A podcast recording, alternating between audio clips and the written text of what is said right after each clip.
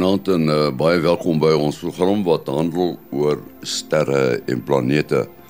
Nou vanaand is Jim Adams daar in Amerika nie by ons nie. En uh, ons getroues van lede Willie Koorts en Mati Hofman sit gereed om te gesels oor die interessanthede in die ruimte. Ons ruimte raai is soos volg. In watter land is die Boyden sterrewag geleë? In watter land is die Bodensterrewag geleë? Die antwoord aan die einde van die program.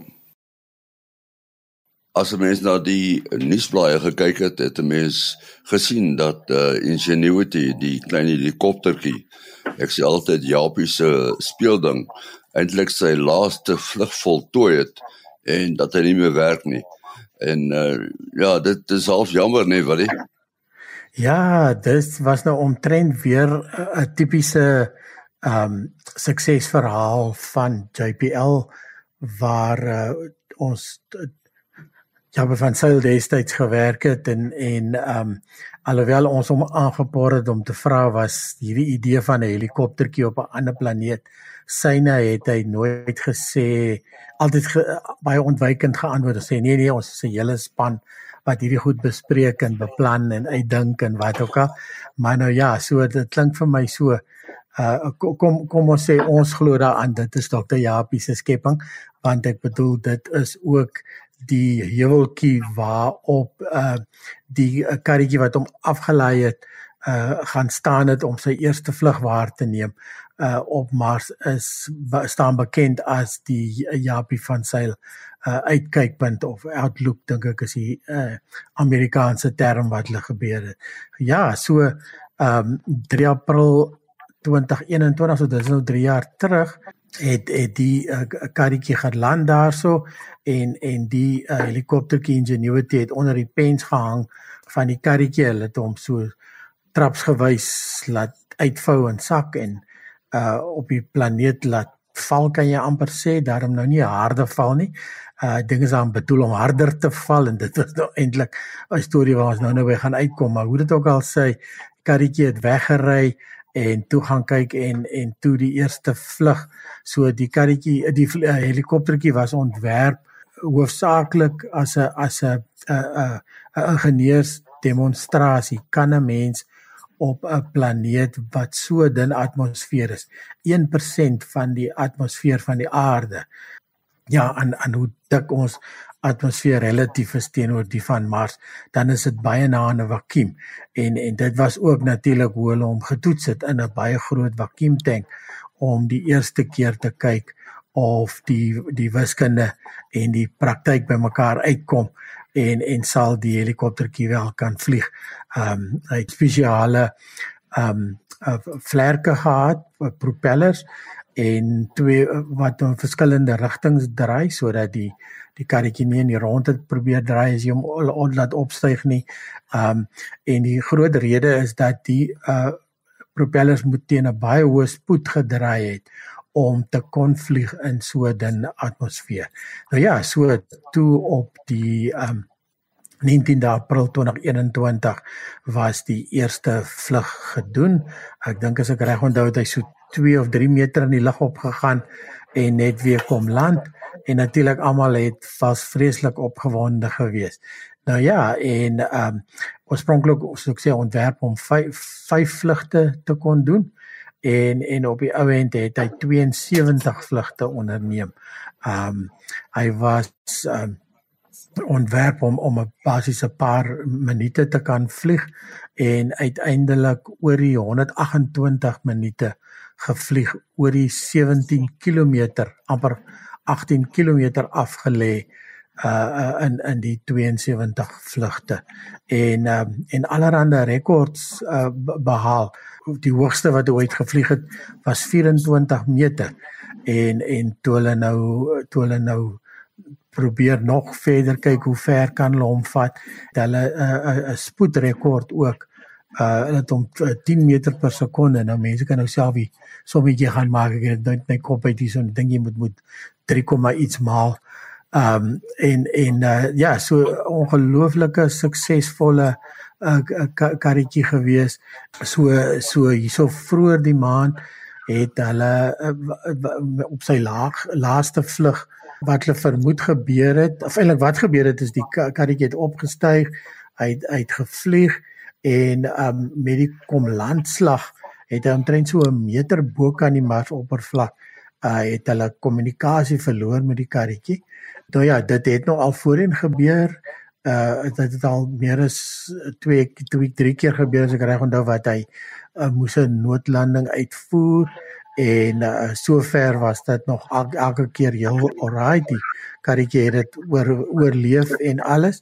Die helikopter is um is ontwerp om as hulle kommunikasie verloor om in 'n sekere modus in te gaan en dan persoonweer is die karretjie sal dan die heeltyd aanhou probeer kontak maak wat hulle toe nou wel 'n dag of twee later uh, gemaak het en um toe hulle begin die fotos aflaai van die laaste vlug en toe kon hulle sien in die skaduwee van die lemme um wat wat die, so hy het nie 'n kamera self wat opkyk na die lemme nie maar die kameraetjie wat afkyk as hy gaan land het kan jy sien ehm um, dat in die skaduwee van die lemme het twee van die lemme se se punt het het het, het is 'n bietjie krinkelkat hulle en en dan kan jy ook as jy mooi kyk in die grond rondom waar die helikoptertjie geland het kan jy sien daar is ehm um, soos soos merke in die in die grond asof dit kon deur 'n lem veroorsaak gewees het.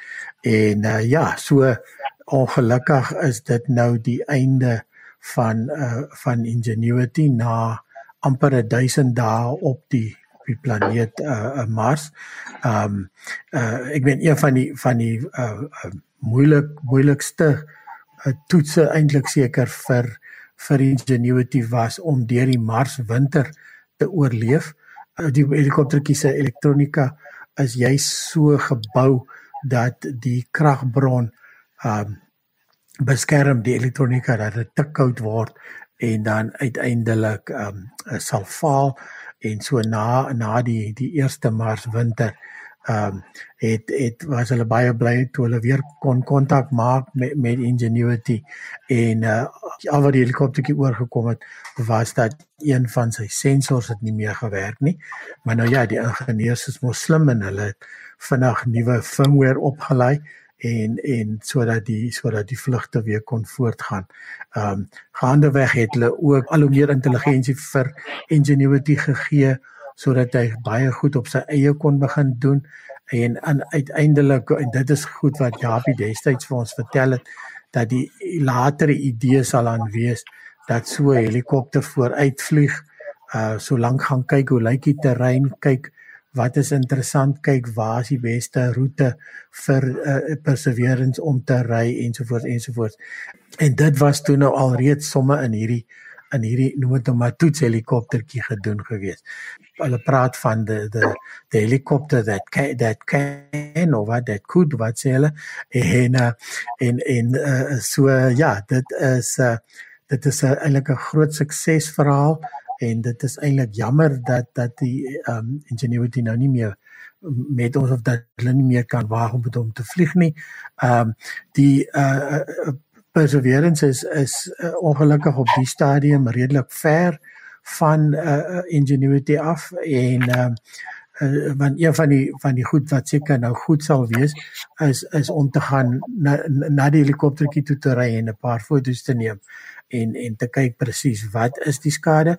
Ek dink hulle sal nou natuurlik nou nie die die wetenskap program te ver om verwerp uh, net om dit te doen. Ek dink hulle kan al redelik baie inligting kry net net deur die uh, die die goed wat hulle al reeds gesien het en nog kan kan sien. Dis dit gaan natuurlik nou al die laaste fotos gaan hulle nou aflaai um van die vorige vlugte en dan is dit nou dan sit nou ongelukkig dan het ons nou vir ingenuity gegroet.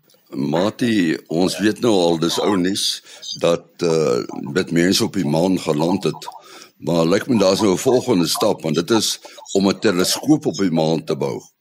Uh ek wonder hoe moeilik is dit?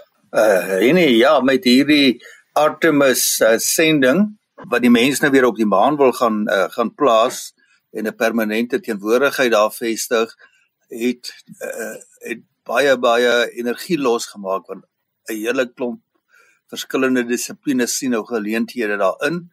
Uh daar is nou die geoloog wat belangstel in skaars hulpbronne uh wat op die maan meer volop uh en volhoubaar is as sy aarde. Dit is nou as jy eers net die uh die drempel kan oorsteek om uh teenwoordigheid daar te kan vestig en dit koste effektief op die aarde se kan kry, maar dit is 'n gesprek op sy eie.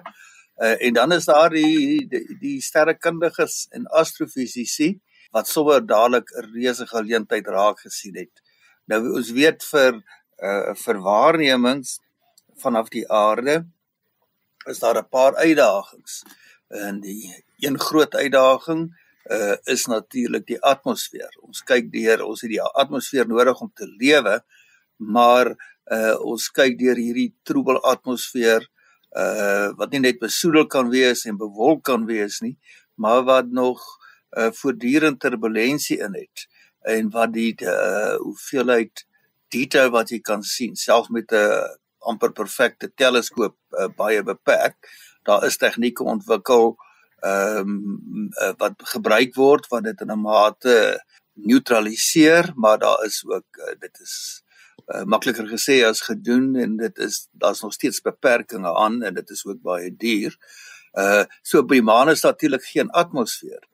Nou nog 'n beperking op die aarde as jy nou na 'n bepaalde sê nou maar een bepaalde bron kyk soos 'n wisselster en so aan is die siklus van die van dag en nag.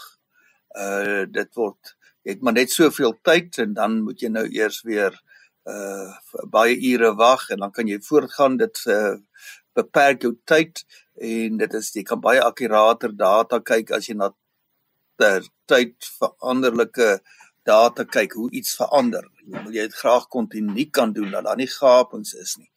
Terwyl die dag en nag siklus op die aarde 24 ure is, is dit op die maan uh is dit 14 dae, 2 weke.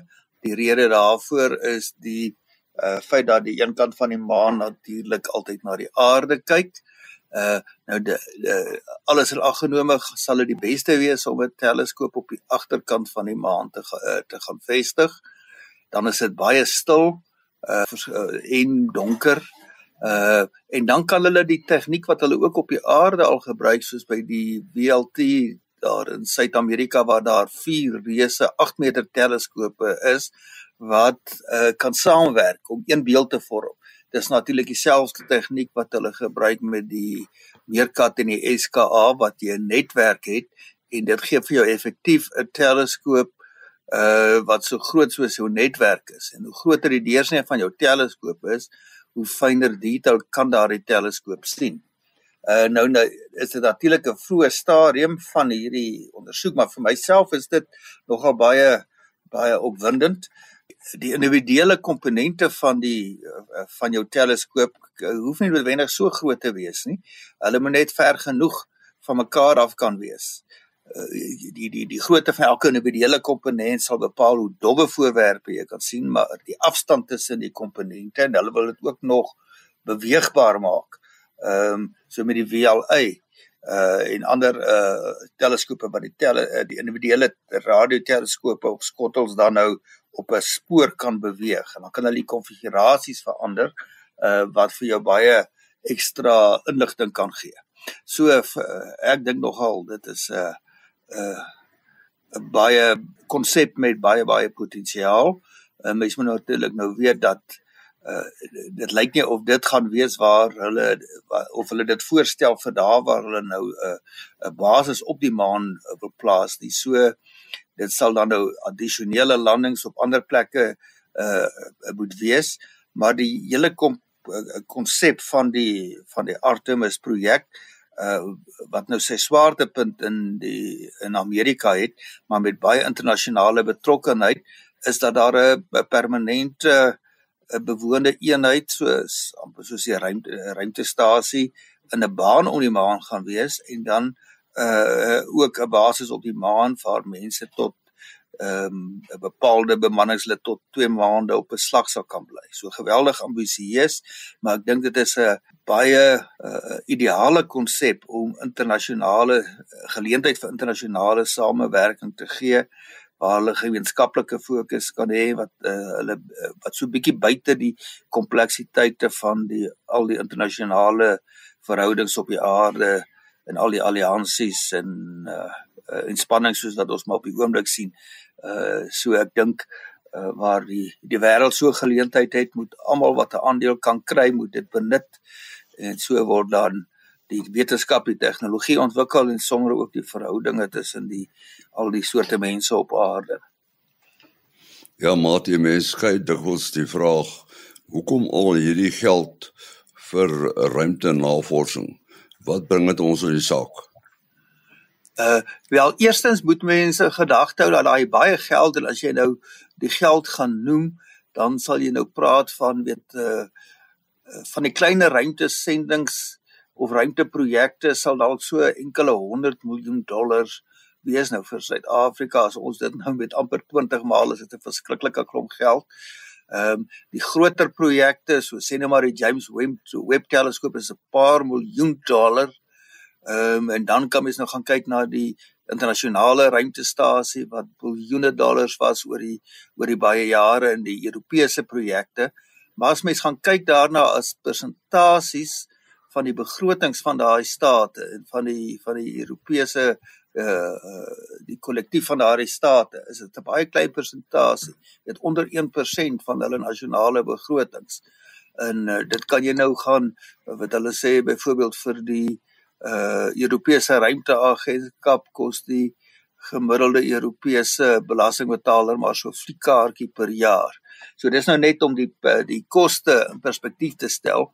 Daarteenoor wat in die tyd van die Apollo projek, dit was nou 'n bietjie anders. Dit was strategies uh geweldig belangrik in die konteks van die ruimteresies en die koue oorlog en so aan. Uh dit was geweldig duur op die hoogtepunt van die koste het dit na ongeveer amper 8% van die Amerikaanse federale begroting gegaan. So dit was 'n baie groot hap vir vir so 'n tipe projek en dit was maar vir prestige en 'n tegnologie demonstrasie. Uiteindelik uh, is daar baie sekondêre positiewe gevolge. Uh een daarvan is die die die impak wat dit gehad het op mense reg oor die wêreld om hulle verbeelding aan te gryp en te wys wat moontlik is as jy fokus. Ehm um, en dan het ons nou al baie gesels oor die sekondêre gevolge van die die tegnologie wat vir oënskynlik nie sulke nuttige projekte aangewend word nie wat primêr deur nuuskierigheid gedryf word en dan word daar tegnologie ontwikkel wat baie baie nuttige toepassings tref op die aarde en 'n baie algemene voorbeeld en ek dink Willie sou nou lekker daaroor kon gesels is die met hierdie digitale kamera tegnologie wat elke Jan Rapp en sy maat elke dag omtrent van hulle lewens gebruik met ons selfoon kameras. Oorspronklik is hierdie tegnologie met die CCD dit staan ons vir Charles Charles coupled devices. Uh is vir die sterrekunde ontwikkel. En ehm um, en dit is maar net die die die aard van daai projekte dryf jou tot die voorpunte van tegnologie en dit trek jou uh van jou beste ingenieurs en wetenskaplikes wat hulle daarop fokus. En en dan is die uh groot deurbraak gemaak en dan bly dit oor aan die uh aan die ingenieurs en die ehm uh, en die en die entrepreneurs om dit so te ver te verbeter dat dit uiteindelik Eh, op 'n mas 'n uh, uh, massa skaal vervaardig kan word wat dit natuurlik dan baie goedkoper maak. Wat dit het uh, al seker met jou gebeur dat uh, mense konfytbottel wil oopmaak en kom die deksel nie af nie. En uh, as jy mens na die Osiris Rex projek kyk, lyk dit my hulle het dieselfde probleem. Ja, ja, daai is nou 'n goeie goeie goeie vergelyking, dis reg. En ehm um, ja, ons het mos nou verlede September het ons gepraat toe die ehm um, die dit klink nou snaaks in Afrikaans die monsterhouer, die monster terugbring houer, sample return uh uh, uh container wat uh van die um, uh, sending wat 'n 'n monster gaan neem het op die uh asteroïde Bennu. So die ding was aan die aan die punt van 'n arm ge, gemonteer op die ruimtetuig self en uh die ruimtetuig het definitief het, het eintlik 'n sogenaamde touch and go gedoen. Hy het afgegaan tot op die oppervlak van die asteroïde. Die arm het hierdie houer oop in die in die in die in die grond ingedruk kan jy amper sê. Ehm um, die ding is toegemaak en uh, en dit toe nou teruggebring aarde toe nou ja die as ek reg onthou was dit die Chinese of die Japaneese wat iets soort soortgelyk gedoen het al 'n hele klompie jare terug en hulle het toe hulle uiteindelik die ding terugkom op die aarde uh, was hy leeg of basies leeg. So uh um uh, uh, met in hierdie geval is dit nou amper net weer die teenoorgestelde Ja, soos ek sê in September het die het die houer hier kom land met 'n met 'n groot uh valskerm en uh hulle het hom natuurlik toe nou met baie vreeslike protokolle en baie versigtig uh, uh gehanteer en toe nou in 'n spesiale spesiale laboratorium in in ingebring en um eerste wat hulle gedoen het is om net die om net die dop af te haal en en in die in die dop het hulle al reeds um meer materiaal gekry as wat hulle voorgereken het uiteindelik. Um en en wat natuurlik 'n baie groot plus is. Want die goed moet uit die aard van die saak nou baie baie versigtig hanteer word. Dit moet dan uiteindelik in 'n uh, laboratorium uh, onder laboratorium en baie spesifieke toestande word dan nou oopgemaak en hulle gaan ook oorspronklik eers al soos wat hulle ook met die maan uh, monsters gedoen het. Hulle gaan nie onmiddellik alles ehm um, alles uh, uithaal en verwerk en uitdeel laat al hulle laboratoriums dit kan ontwerp nie. Hulle gaan 'n klompie apart hou uh uh, uh so onaangeraak as moontlik en jare later soos tegnologie verbeter gaan hulle dan dit e-, e-, eerder later ont, ontleed en so aan. Ja, en soos jy sê, so die die uh, na hulle nou die die deksel leeg gemaak het, kan jy amper sê uh was daar twee knippetjies wat vasgehaak het en ehm um, nou die, die hart van die saak gaan jy nou nie inspring daar met jou met jou hoeksnyer en en begin metaal afsny laat die vonke trek nie. Jy gaan dit baie baie versigtig benader. En uh, ja uiteindelik toe nou um nou so so 'n paar weke terug uh 2 3 weke terug het hulle uiteindelik die op die 13de Januarie het hulle toe nou uiteindelik hierdie dop afgekry en nou kan hulle die volle um um, monster daar so sien en nou word dit natuurlik soos ek sê met baie versigtig hanteer en verwerk. So dit is natuurlik ook al 'n baie baie opwindende 'n uh, projek hierdie wat nou kan wetenskaplikes regtig begin kyk hoe het die sonnestelsel in sy in sy vormingsjare uh, gelyk en gewerk. So dit is baie opwindend. Ja, ja, wil jy die die luisteraars kan gerig gerus 'n bietjie gaan soek op YouTube na die video hoe hulle met daardie houer gewerk het want hy's geïsoleer vanaf die paar mense wat daarmee werk en dan gaan hulle arm so in sulke spesiale handskoene in wat in daardie ruimte ingaan. Ehm um, yes. ja, dit is nogal uh, uh, nogal indrukwekkend om dit uh, dop te hou. Maar ek kan my nou voorstel wel die die stres van daai ouens wat daarmee werk want die die pers, die persoon wat nou nou per ongeluk 'n flater sou kon begaan wat nou daar die ware volle klomp materiaal en daar's honderde miljoene dollars daar agter. Ehm uh, hy sal dalk dan daarna hoor dat hulle weet hulle kan nie sonder om klaar kom nie maar hulle gaan nou probeer. ja, Kom ons uh, begin met ons ruimte raai. En uh, ek het daar aan die begin gevra in watter land is die Boyden sterrewag? In watter land is die Boyden sterrewag? En nou sien ek uh, hier in my gedagtes hoe hoe glimlagmatig. En ja, dit uh, jy moet die vraag nou so bietjie uh, meer presies maak, weet van presies watter tydperk praat jy van? Uh, praat jy nou van voor 1926 of na 1926? uh, maar okay, jy gebruik teenwoordige tyd so in teenwoordige tyd is dit uh, natuurlik net hier so buite Bloemfontein uh, langs Maselspoort.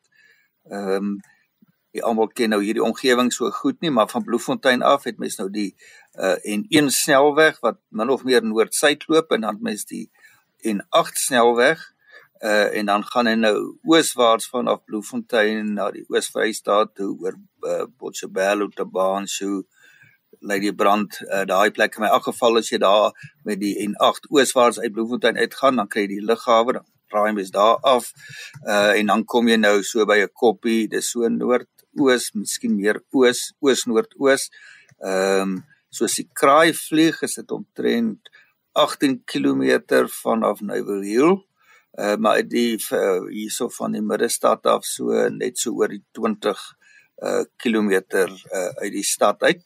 Nou tot en met 1926 was die Boedensterrewag uh was in Peru of naby Peru uh, in die naby Lima in Peru, 'n plekie met die naam Arequipa. Uh en hy's daar gestig by Arequipa in 1889 en die vorige jaar 1888 het hulle 'n tydelike stasie naby Lima uh, uh begin met van die toerusting wat nou maar deur die dekades by Boyden gebruik uh, is. So hele uh ek dink daar is nog ten minste twee teleskope wat by Peru was in Peru uh, by die sterrewag toe by Arequipa was wat nou nog uh, uh, op uh, Boyden sterrewag is. Die een is die 13 duim teleskoop wat die publiek gereeld relatief gereeld kans kry om deur te kyk en dan die 10 duim Metcalf teleskoop wat ons nou minder gebruik. Uh, maar in die geskiedenis uh, was dit beroemde teleskope wat belangrike bydraes gemaak het. Goed, ons moet afsluit. Uh Mati, jou besonderhede. Selfoonnommer 0836257154. 0836257154. En joune wil hy? 0724579208. 0724579208. En dan my telefoonnommer 0825724170. 0825724170 en ons uh, Facebook groep se naam is Henny Maas en sy ruimtespan Henny Maas en sy ruimtespan ons e-posadres sterreplanete@gmail.com sterreplanete@gmail.com ons is volgende week terug. Tot dan alles van die beste